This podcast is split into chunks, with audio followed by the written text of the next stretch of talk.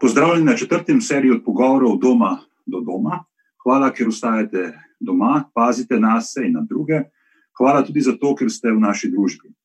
In hvala za to, ker namenjate pozornost tudi temam, ki so pomembne za najbolj ranljive skupine ljudi med nami, ter za to, kako delujemo kot družba.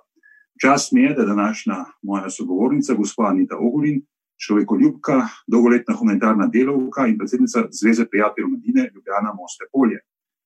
Gospa Ogulin je z razlogom eden izmed najbolj znanih obrazov v Sloveniji, ki posoja svoj glas ter neumorno pomaga najšipkejši, zato je pravzaprav ni potrebno posebej predstavljati. Gospa Ogulin, pozdravljeni in hvala lepa, da ste se odzvali na ta poziv. Dober dan, hvala za povabilo.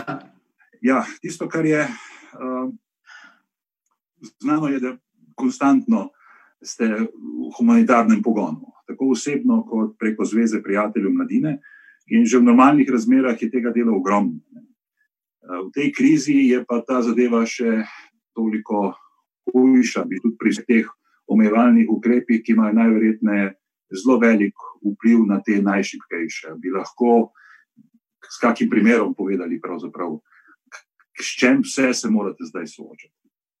Veste, se najbolj uh, predstavi kar zgodba. Danes je ena od mnogih današnjih, kliče očka nekaj minut joka, predno pove, da je prvič v življenju pred tem, da prosi za neko pomoč, predvsem pomoč ta trenutek v hrani in seveda tudi v položnicah in ostalem, preprosto zato, ker je samohranilec, bil je SP, nobenega prihodka nima, ne ve, kako naprej, teden dni sta pa sinom že brez hrane. Takih zgodb imamo dnevno toliko, vam pošteno povem, da reže kar drgetamo skoraj vsak večer, ker na vse zadnje želiš takoj reševati, ker ljudje pokličajo zadnji trenutek in je težko, no, pravzaprav čisto vse podelati. Uh, tisto, kar je, to, to, to so hude zgodbe. Najverjetneje je tudi neko, bom rekel, prav zgodovino. Rekli ste, da je tokrat prvi takšen primer, torej do zdaj tega ni, ni potreboval. Uh, tudi zaradi tega, najverjetneje, ker tega niti sistem ne prepoznava kot problema. In najverjetneje se je ta sistem in vloga humanitarnega dela čez čas tudi dokaj spremenjala. Res je, gledajte, kot samostojni podjetnik ni upravičen do kakršne koli socialne podpore in pomoči. Seveda se je trudil njegova dejavnost, če greva samo v ta primer, je bila fotografska dejavnost, hkrati s tem je bil še uh, računalniško zelo operativen. Ampak, uh, se veste, vsaka storitev pri nas ima vsaj 30, 60 ali 90 dni plačila. Plačilna nedisciplina je silno velika in samostojni podjetniki v tem času, vam rečem, bijajo bitko preživetja. Uh, tukaj, absolutno. Uh, In to je v bistvu nova kategorija, glede na tisto, kar, kar, kar, kar smo že navajeni. Vemo, da zdravstveno je, v bistvu najbolj, je najbolj ranljiva skupina ljudi starejših, uh, s tistimi, ki imajo tudi že kakšne pridružene bolezni, ampak stališča ekonomske krize, stališča tega je, je pa prizadetih veliko več. Uh, in katere skupine ljudi, po vaši izkušnji, uh, oziroma na, glede na izražene potrebe in stiske, vaših uporabnikov je kriza pa vaše najbolj prizadela. Recimo podjetniki so eni od takih, torej samostojni podjetniki. Tako je. Samostojni podjetniki, ta kriza, ne, se pravi, ti izredni ukrepi so seveda najbolj, ampak res najbolj posegli po samostojnih podjetnikih, samozaposlenih in pa seveda tistih delavcih na minimalni plači, ki jih pač delodajalci odpuščajo zaradi razmer in pa jih dajo tudi na čakanje.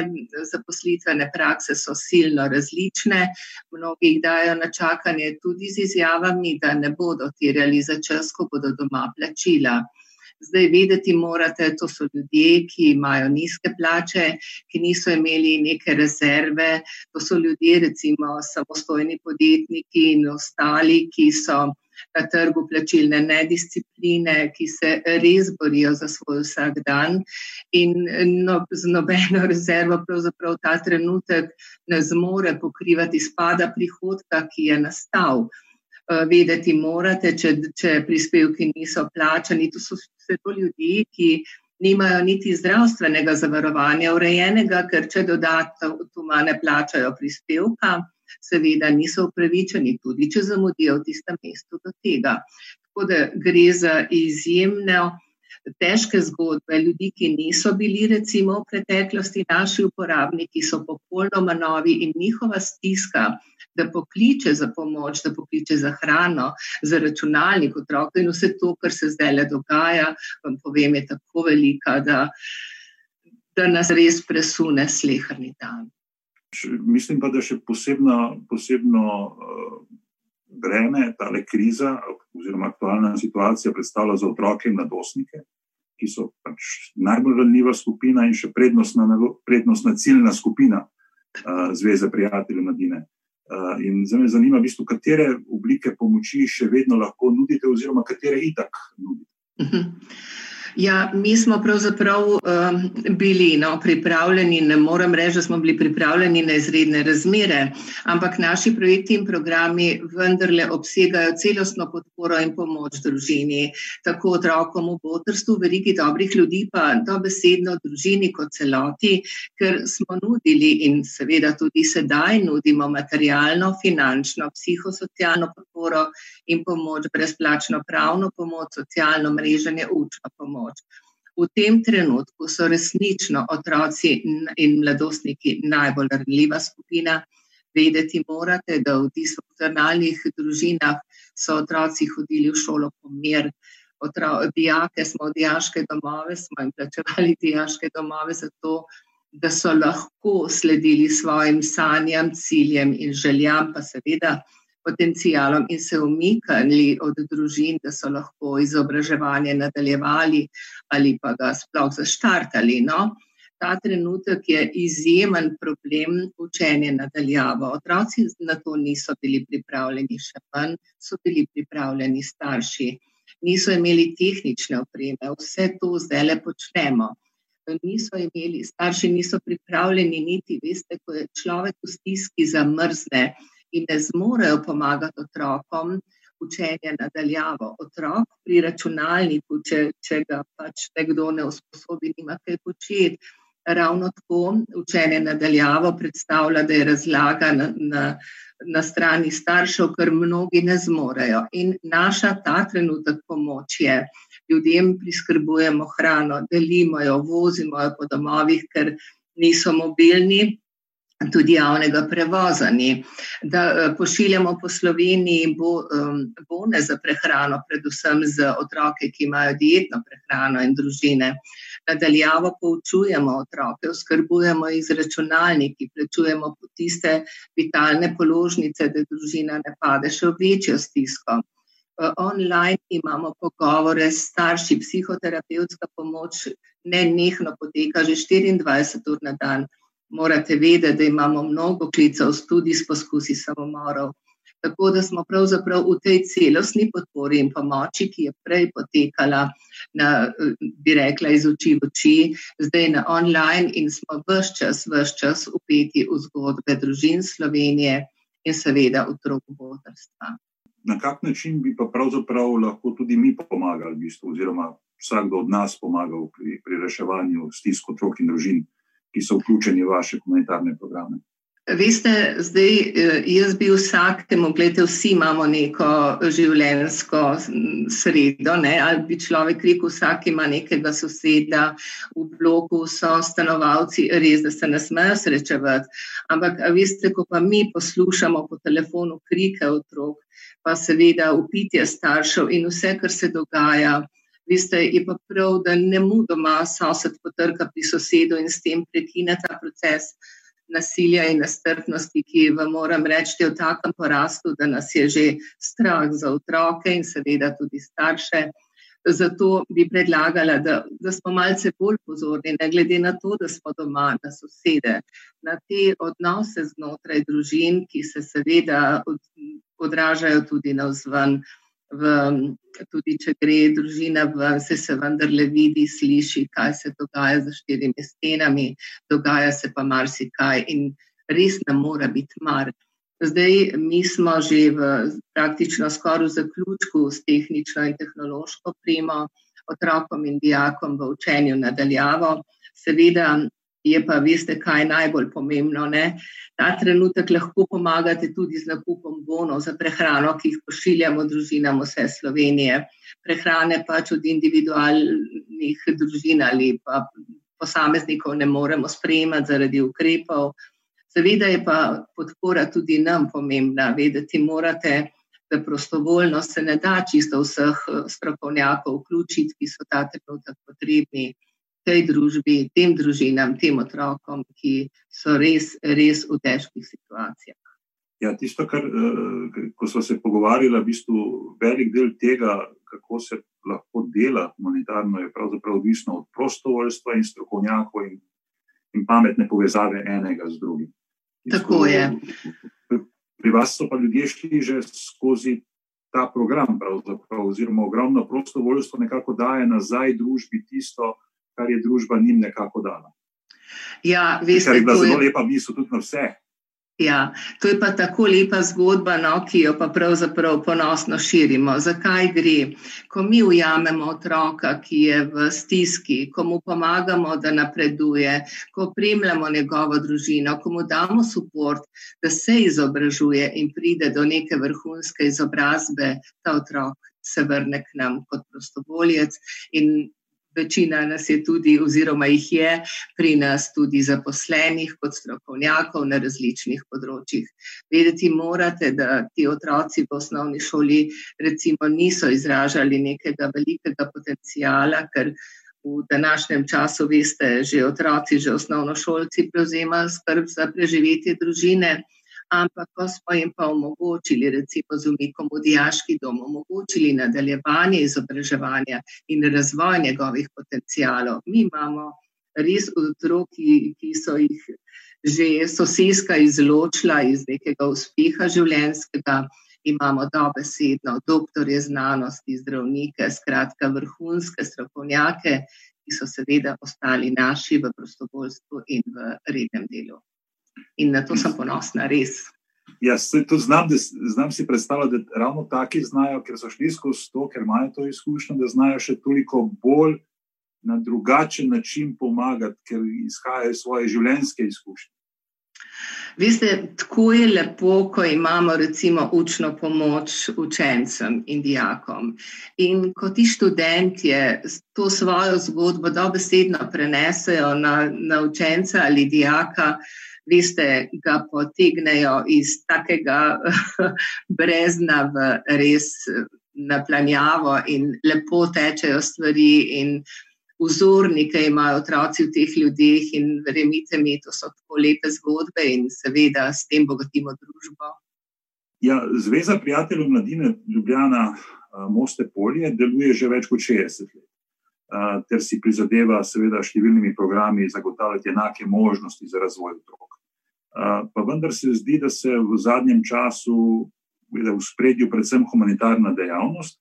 Zdaj je vprašanje, ali gre to pripisati samo finan, globalni finančni krizi, ker v bistvu nekako smo že prišli iz nje, pa še vedno v bistvu je potreba potem, da humanitarne organizacije delujejo, oziroma drugače povedano kako se je ta vloga humanitarnih eh, organizacij spremenjala tudi v tej samostojni državi, oziroma kje smo zdaj. Vem, zdaj, zdaj je kriza, to je absolutno, ampak kje smo pravzaprav s tem razvojem in kje bi pravzaprav lahko bili. Glede, morate vedeti, da ob osamosvojitvi Slovenije je praktično um, država padla na kolena in gospodarsko, in socialno. Zdaj, uh, eh, vse čas tega našega razvoja bi lahko no, gradili na tistem, kjer smo bili najmočnejši ob samostojnosti, to je bila socialna država. In če se spomnim nazaj, ker imam že dosti let, je bila to naša država vodilna v Evropski skupnosti na področju sociale, danes pa šipa je daleč zadaj. Zakaj? V tem času razvoja, se veste, je padalo gospodarstvo, smo, smo uredili samostojno podjetništvo, pa ljudi ne, ljudi ne usposobili za to. Skratka, to so bile res tako težke zgodbe skozi ta naš, našo samostojnost, da vam ne morem povedati. No? Ampak največji pogrom je naredila pa leta 2012 naša država z novim ZUJF-om oziroma socialno zakonodajo, ki je prizadela ne le otrok in mladih, prizadela je tudi ostarele. Mi smo v tistih nekaj letih doživeli toliko samomorov, da se nočem spomniti tega časa. Ampak vse čas, če smo želeli slediti in pomagati otrokom in ostarelim, in skratka družbi nasploh, smo vse čas tudi dali pripombe na sistemske spremembe, ker veste, civilno-družbene organizacije, humanitarne organizacije ne zmorejo takega pritiska sociale vzdrževati same. In mi smo si vse čas in si še danes želimo dobrega sodelovanja z državo, ker nikoli več ne bo tako, kot je bilo da bi recimo država prevzela vse segmente, se vidimo, kaj se dogaja in da mnoge države niso naklonjeni socialni enakosti. No, ampak mi smo vse čas povdarjali, da je potrebno spremeniti sistem, da so potrebne sistemske spremembe in smo jih tudi predlagali. Premalo je bilo uresničenih.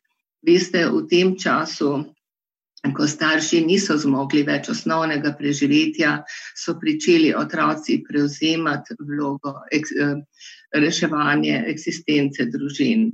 In mi smo izgubili generacije izjemno, izjemno, bi rekla, dobrih otrok.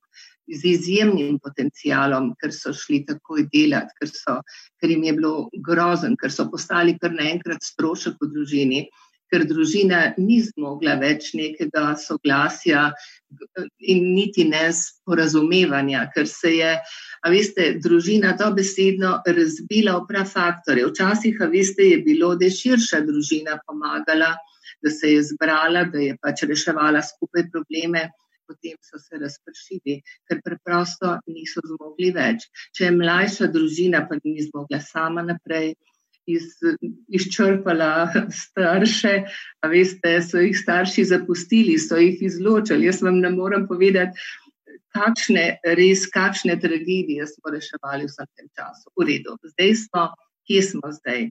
Gospodarska rast, veste, ni um, dosegla učinka, da bi pomagala socialni enakosti. Ne, gospodarska rast je pravzaprav um, podjetnikom omogočala še večji dobiček na plečih zaposlenih. Ne? In ta dobiček se ni prelival nazaj, in mi smo začeli postajati tri razredna ali več razredna družba. Tistih, ki imajo dostop do vsega, ki zmorejo vse, tistih, ki nekje šepajo za, ne, za tem, da bi še vendarle zmogli, in pa tistih, ki sploh ne zmorejo več. In zato smo morali vse naš fokus ali pa vsa naša prizadevanja usmeriti v to, da pomagamo dvigati te otroke, te družine, ki, ki so res nekrive, nedolžne, ostale tam v brezno revščine, da se nekako skušajo enačiti z ostalimi in da jim ustvarjamo pogoje tega enačanja. Zdaj moram povedati, um, v mnogih primerih smo bili uspešni v premnogih ne, zato ker smo pač ugotovili, da, da pravzaprav država ne sledi vsem potrebam, ki jih, ki jih mi tudi dobesedno nastavljamo, ne, da bi nam pomagali, da bi, da bi bolj nekako no, um, pomagala no, tudi otrokom, ki imajo, mladostnikom, ki imajo možnosti in res velike potencijale to razvijati. Um, no, ker pač nismo imeli dobrih sogovornikov v državi, smo res postavili v čas in prostor projekte, botrstvo, veriga dobrih ljudi, ker smo videli, da če hočemo učinkovito pomagati, moramo pomagati ne samo finančno, ker kot človek zmrzne, ne zna funkcionirati, ker je v stiski, pa zmrzne. In zato smo opremili otroke z vsemi suporti od štipendij, se pravi, botrst, osnovnega botrstva, štipendije, plačilo dijaških domov, inštrukcij in podobno. družino pa vzeli dobesedno v mentorstvo v celoti. To pomeni, da starše, ki so izgubili delo, ki so postali nefunkcionalni, ki niso bili več trg delovne sile, smo dobesedno opolnomočili, tako finančno, tako gospodinsko. Vi ne morete verjeti, ko smo prihajali v družine, mamice niso imele v, v hišah čiste posode, čiste, čistega perila. To, to je bilo res dobesedno depresivno stanje, ki smo ga skozi naše programe dobesedno rešili in reševali. In ta celostna podpora in pomoč, veste, ne samo hrana, ne samo položnica plačana, ampak to, da s človekom delaš, da človeku povrneš vrednost, da, daš, da ga upolnomočiš, da, da je sposoben znova skrbeti za sebe, da je sposoben na trg delovne sile, mi jih vračamo. Glejte, to je bilo tisto, kar smo rekli, to je edino, kar zdaj le pomaga in kar ker to družbo dviga. In te projekte smo dobesedno razširili na celo Slovenijo. In lete, letno imamo približno 700 družin, ki jih usposobi ta naša mala ekipa. In jaz sem na to zelo ponosna in verjamem, da bi to lahko razširili kot projekt in program, ki, ki bi ga morala država dobesedno povzeti in ga uresničevati, ker samo tako lahko pomagamo ljudem do dostojanstvenega življenja in predvsem, da ustvarjajo in družbi vračajo. Ja, ja, to je tisto, mislim, to je ta razlika med sistemom, ne, ki temelji na socialnih transferjih in praktično na ničemer več, in v bistvu tem neposrednim pristopom, ki, ki, kjer je ravno skozi odnos vzpostavljen neka dodana vrednost. In še fokus na otroke, ki imajo praktično, mislim, da ne more zgrešiti. Tu je vedno potencial. Če, ga, če bi država prepoznala ta potencial, bi že zgolj z tem lahko marsikaj naredila veliko bolj znosno v, v, v, v družbi.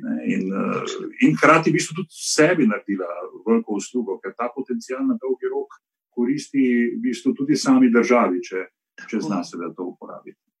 Na tanko to. Točno to.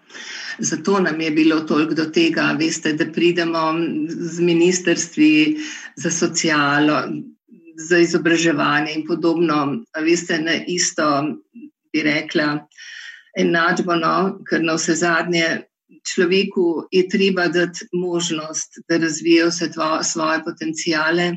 In pa seveda, lejte, mi se soočamo z večgeneracijsko revščino ne?